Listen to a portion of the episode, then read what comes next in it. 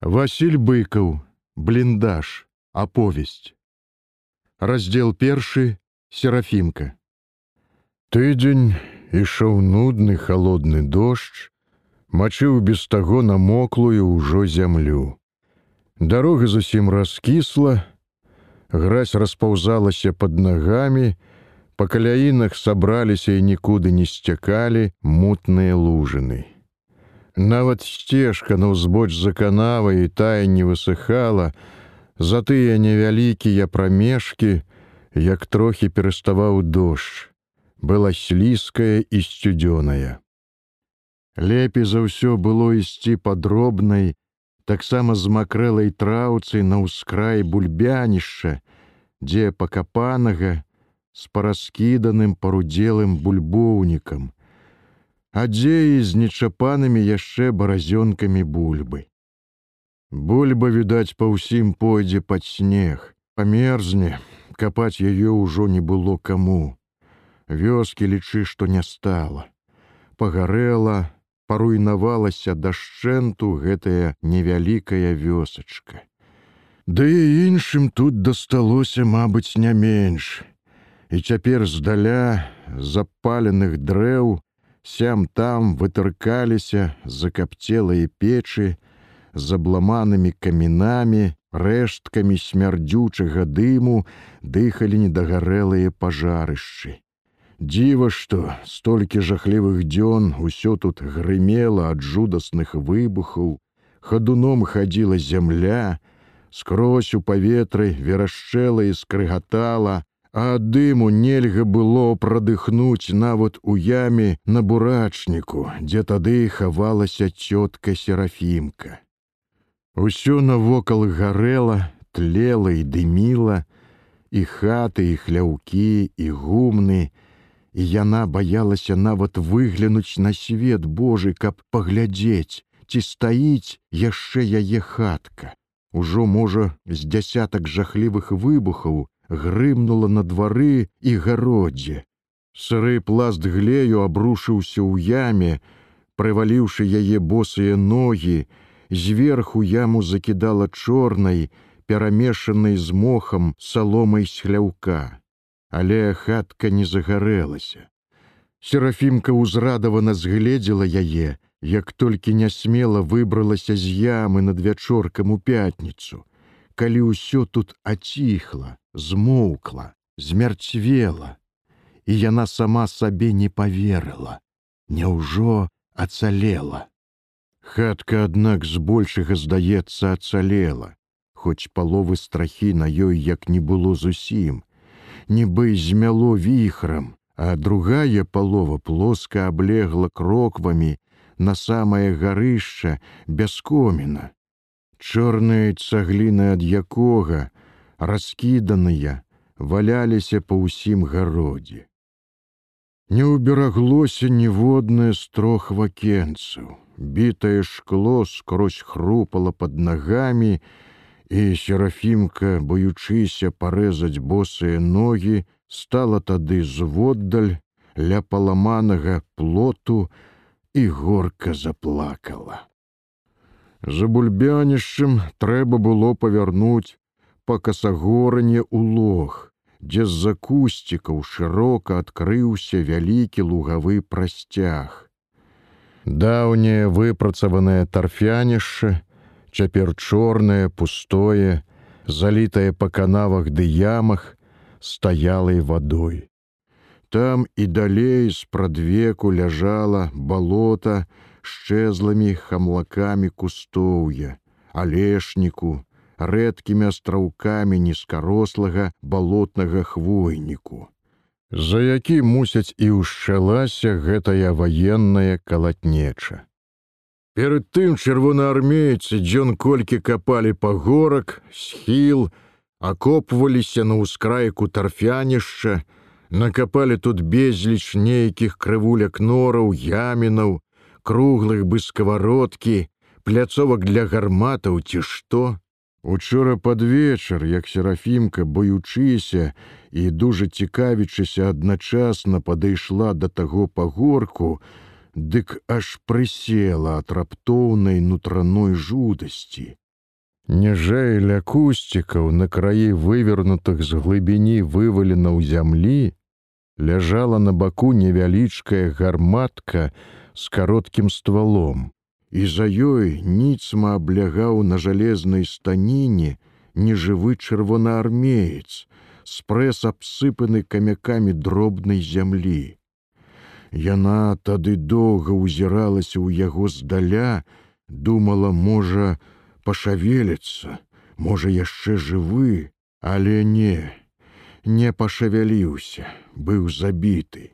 Яна зразумела тое, калі ўсё ж падышла бліжэй і згледзела на яго стрыжанай патыліцы рудую карыну засохлай крыві.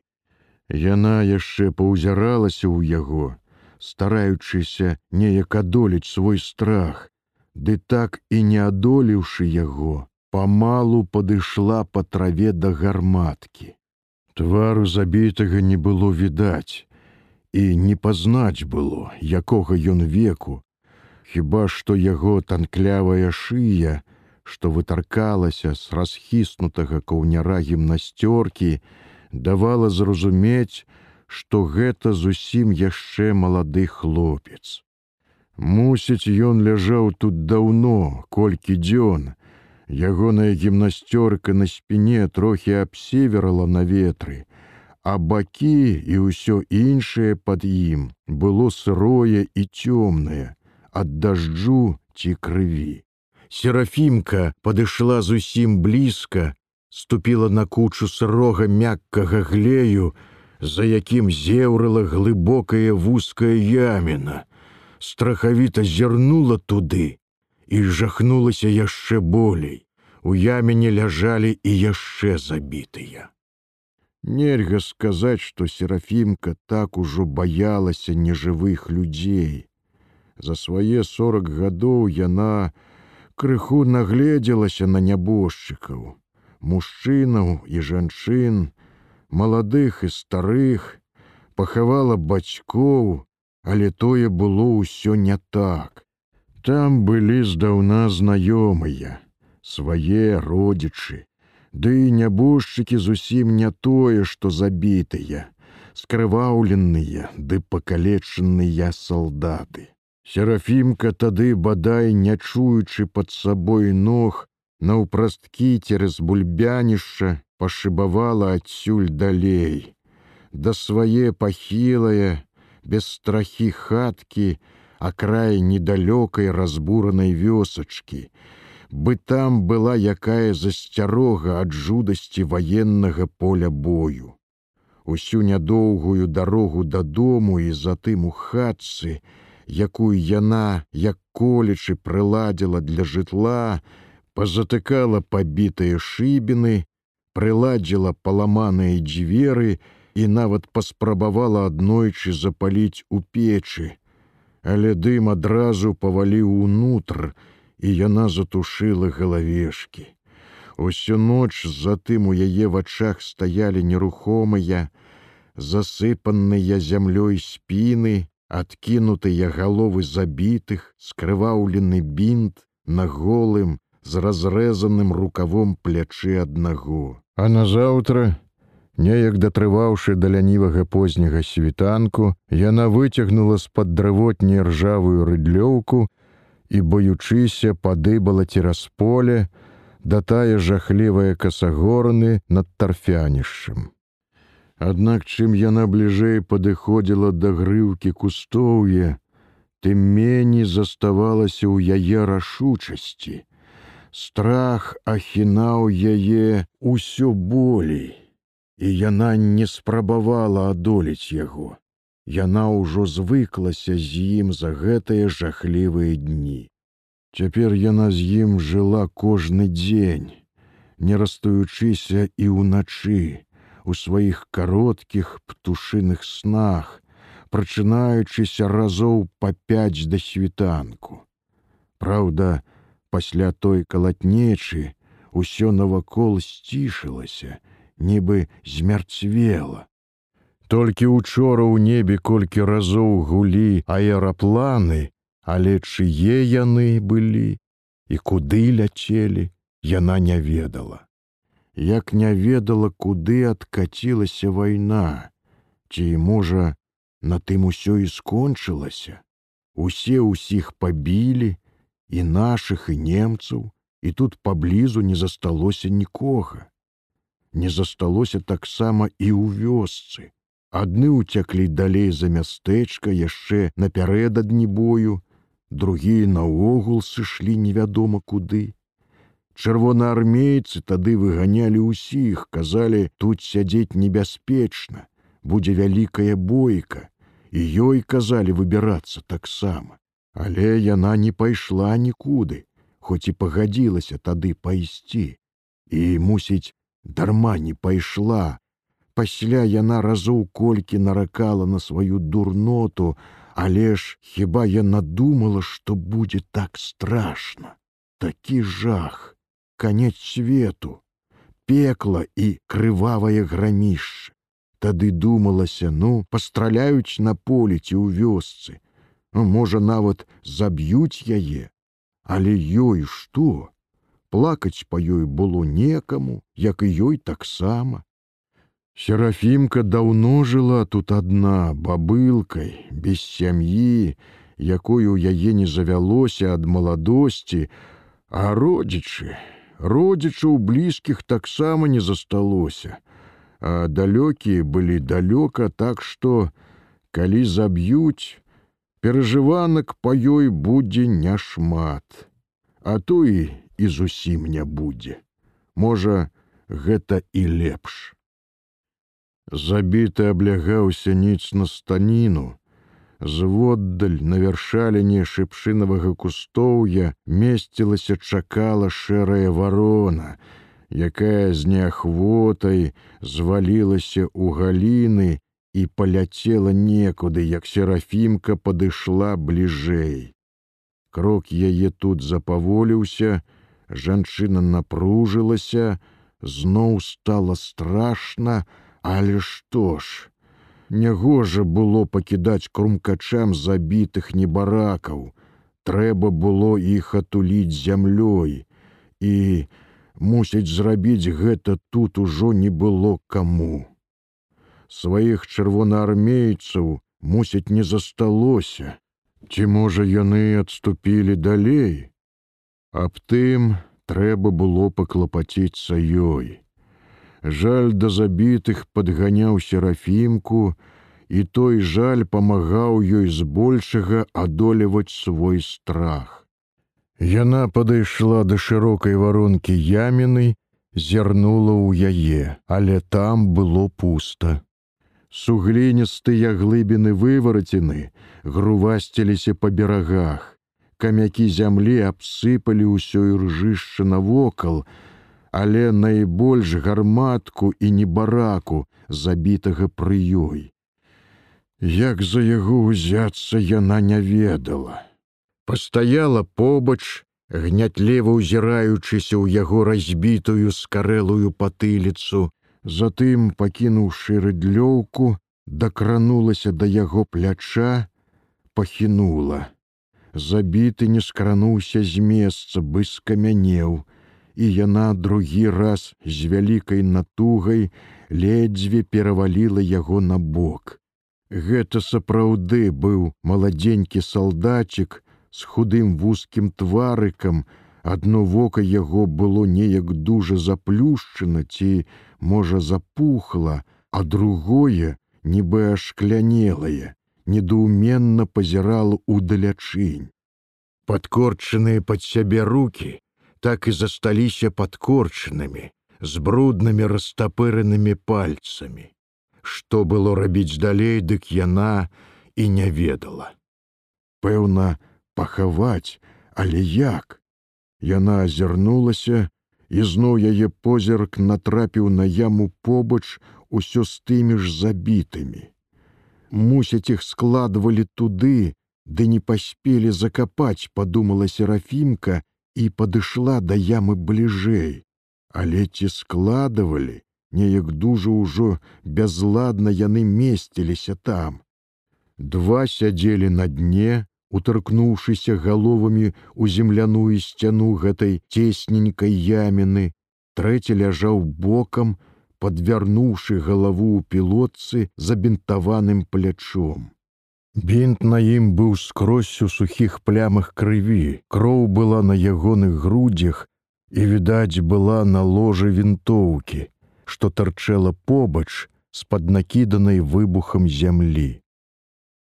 Лезці ў яму, каб там паправіць каго, серафімка не наважылася. На тое яна ўжо не магла пераадолець сябе. Яна толькі з адчайнай рашучасцю узяла пад пахі забітага і пацягнула яго да ямы.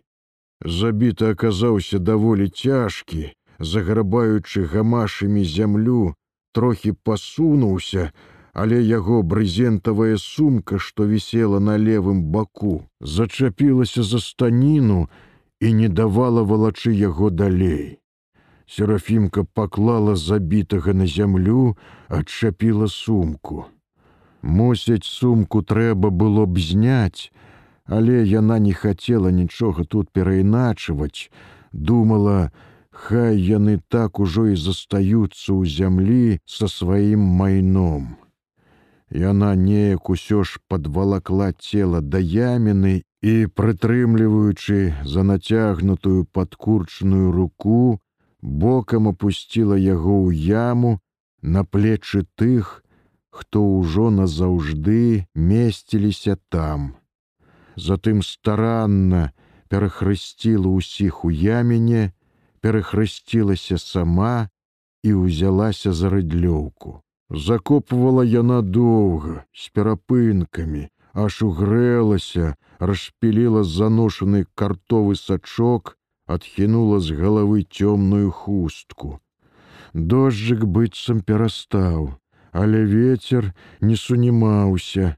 Неба было спрэс хмарнае, трывожнае, у гары плылі, кудлычыліся нядобрыя шэрыя аблокі. Аддыхваючыся крыху яна паўзіралася па схіле ўніз, дзе па іржэўніку і над балацявінай вілася блытанная вужака траншеі з таропка абкладзенымі травой і дзірваном берагамі. Дзірвану там, аднак, засталося няшмат. Так усё там было перакопана выбухамі, тлустыя плямы, ад якіх чарнеліся абапал траншеі і спрэс па ўсёй касагорані, дзе трохі радзей, а дзе так густа, што не было і следу ад іржэўніку, усё там чарнелася ад вывернутай з глыбіняў, намоклай ад дажджу зямлі. Нешта там уладарна прыцягвала яе позірк, нібы адчувала яна, што і там патрэбна яе ўвага. І яна зноў бралася гарнуць на забітых зямлю, з берагоў яміны акопчыка ўжо добра засыпала іх. Засталося тырчэць зямлі толькі зялёнае з нашытым лапікам калена верхняга забітага. Але во і калена схавалася пад нятоўстым пластом дробнага глею. Тады ёй стала спакайней, і яна ўжо павольнее давяршыла сваю сумную справу, засыпала яму, і нават трохі награбла ў дадатак наверх. Атрымалася нібы магілка. Ды мусіць і сапраўды, навек застанецца гэта магілкай для чатырох небарак. Тады яна ўторкнула збоч рыдлёўку, перавязала на галаве хусцінку, спакайней агледзелася. Апроч заваленай на бок гарматкі, Месцамі ў зямлі, відаць, былі раскіданыя гільзы ад снарадаў, і нават цэлыя нястрэленыя снарады з вострымі блішчастымі галоўкамі. Снарады, мабыць, былі і ў паламаных драўляных скрынках, што трохі вытыркаліся збоч з нейкае рытвіны. Але яна не стала чапаць таго вайскавога начыння. Не дай Бог стрэльня. Галоўнае яна ўжо зрабіла, схавала ў зямлі людзей, хай ляжаць. Цяпер іх не пакрыўдзіць ніхто, ні звер, ні чалавек. З рыдлёўкай у руках яна адышлася трохі ад магілкі, пастаяла і пайшла, але не ўгару да вёскі, а памалу, дужа боючыся, потопала па іржэўніку уніз да тарфянішча, дзе была траншея. Нешта яе цягнула туды і палохала, гняло страхам, але яна ішла, спыняючыся, засцярожліва азіраючыся па баках. Хоць, здаецца, нідзе не было нікога. Сцюдзёны ветер гнаў хмары ў гары, трымцеў рэдкі быльнёг па іржышчы на зруйнаваным, пакрэмзаным людзьмі вайной полі. Нясмела, як і раней дужа боючыся, яна падышла да бліжняй крывулякі траншеі, зірнула цераз бруствер, але там не было нічога. Толькі на дне стаяла чорная вода ад дажджу ці, можа, набралася знізу, Мясціна тут была нізкая, лічы ўжо забалаць. Тады яна памалу павалаклася ўздоўж бруствера, насыпанага з чорнай балотнай зямлі. Ён быў тут дбайна разгорнуты, падраўняны і бясконца цягнуўся кудысь па-над тарфянішчам. У адным месцы Серафімка запаскай пераступіла тоўсты смаляны провод, што вёў па зямлі на пагорак да таго месца, дзе чарнеліся спарышы варонкі ад снарядаў. Трошкі далей у траншеі ляжалі на земляной палічцы дзве вялізныя шпулькі з гэткім жа тоўстым проводам. Адна наматаная даверху, а другая амаль пустая. Мясцінамі на брустверы і на дне было густа, нібы змеху насыпана гільзаў, пустых без куляў. Некаторыя з іх пазелянелі ўжо ад вільгаці. Другія мокрымі круглякамі жаўтлява бліскалі ў гразі. Дзе-нідзе бялелі крапачкі скрываўленых мокрых бінтоў, паразматляных ветрам па брустверы ў іржэўніку скрозь чарнелася перакапаная выбухамі зямля. На касагорані не засталося жывога месца ад выбухаў і варонак. Але людзей тут нідзе не было, ні жывых, ні забітых. Мусяць людзі сышлі ўсе кудысь, як аціхла бойка. Хоць у наваколлі не з'явілася яшчэ ніводнага немца, але серафімка прачувала, што перамаглі немцы. Усю мінулую ноч на брукаванцы за тарфянішчам гулу да світання, усё там ехала, перла, сунулася на ўсход. Значыць, нашыя адступілі. То азіраючы перакапанае вайной наваколля па-над тарфянішчам, то зазіраючы ў траншею, дзе трохі глыбейшую, а дзе зусім мелкую да калена, серафімка набрыла на нейкі траншейны тупічок з пагорачкам на паверхні, які быў свежа абкладзены дзірваном, нібы вялікая магіла акрай траншеі. Спярша яна мякка ступила босамі нагамі на той пагорак і, схамянуўшыся, сышла назад, каб абысці яго.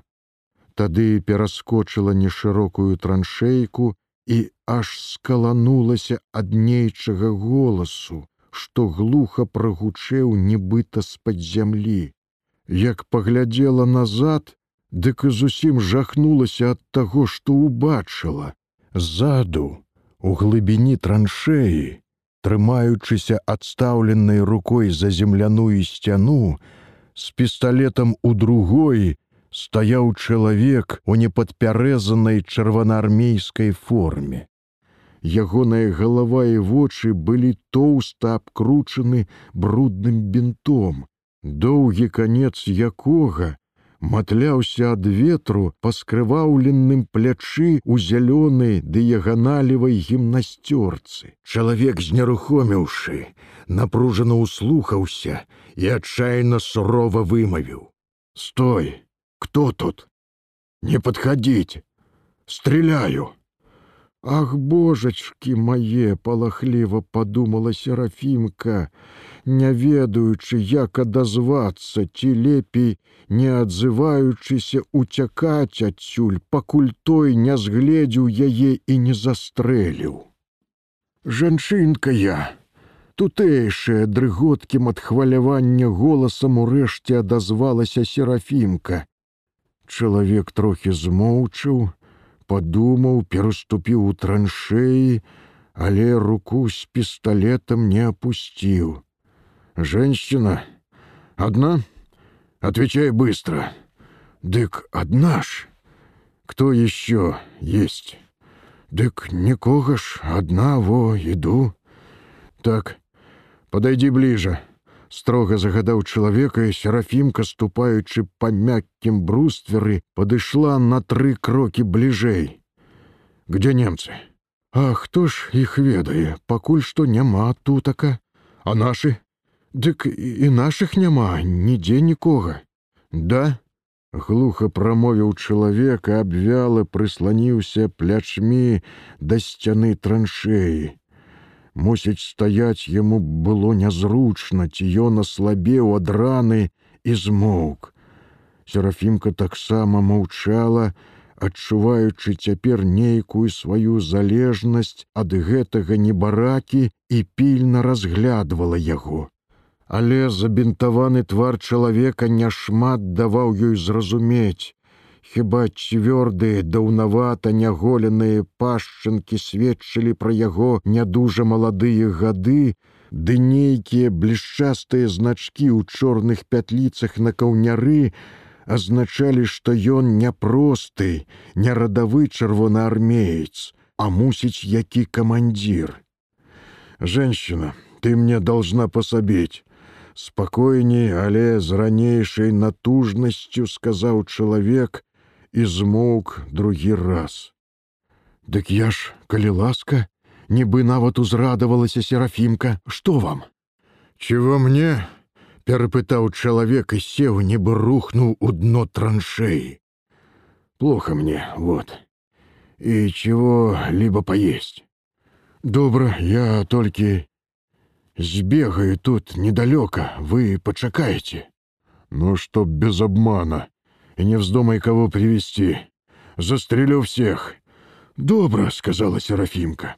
З нечаканай палёгкай яна шыбавала па касагорані ў гору і згадывала, што ў хаце, здаецца, яшчэ быў акрайчык шчарсцвелага хлеба і паў чугунка зваранай бульбы за засланкай. Сёння яна нічога не ела, мусіць, не ела і учора, а тыя дні наогул было не да яды, і гэта неяк не турбавала яе. Але во цяпер затурбавала, чым яна накорміць гэтага чалавека. Можа зварыць свежыя бульбачкі. У сенцах было паўвядзерца салёных агуркоў, а ў кубле яна ашчаджала з вясны пару кавалкаў ёлкага леташняга сала. Але галоўнае, мабыць, яму трэба памагчы з вачыма. Ён жа вельмі падобны сляпы. Дык як жа ён сам адзін. Трэба доктара, толькі дзе той доктар. Да мястэчка адсюль 22 кіламетры, як цяпер да яго дапяцца. Ды па такім часе ці застаўся там доктар, пэўна падаўся з войскам, краем бульбянішча. Яна выбегла на дарожку, адкуль ужо было рукой падаць да яе панішчанай вёсачкі, адзін выгляд якой неадчэпную скрухай сцяў сэрца. Скрозь камяны, апаленыя дрэвы, чорнае пажарышча ад сядзібаў, гумнаў, хляўкоў, Можа, якіх чатыры ці пяць будынінаў, два хляўкі, лазня ля сажалкі і петракова варыўня на агародзе, усяго і ацалелі з таго канца вёскі. Не засталося нічога, апроч яе хаткі на водшыбе.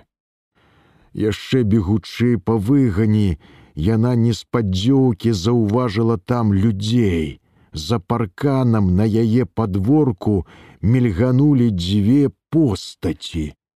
Знерухомілі, сталі, мабыць, узіраючыся ў яе. Яна таксама угледзелася пільней і неўзабаве пазнала аднаго. То быў старэйшы пелепёнак у высокай з казырком шапцы, што летась казалі прыдбаў у заходняй, як ганяў скаціну.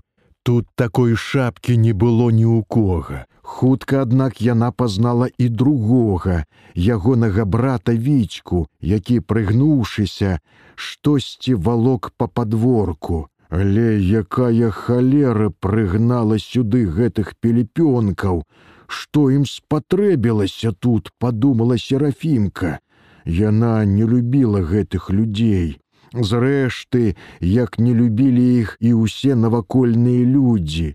Адны баяліся, другія ненавідзелі гэтых нячыстых на руку і на дробныя ўчынкі пакаснікаў.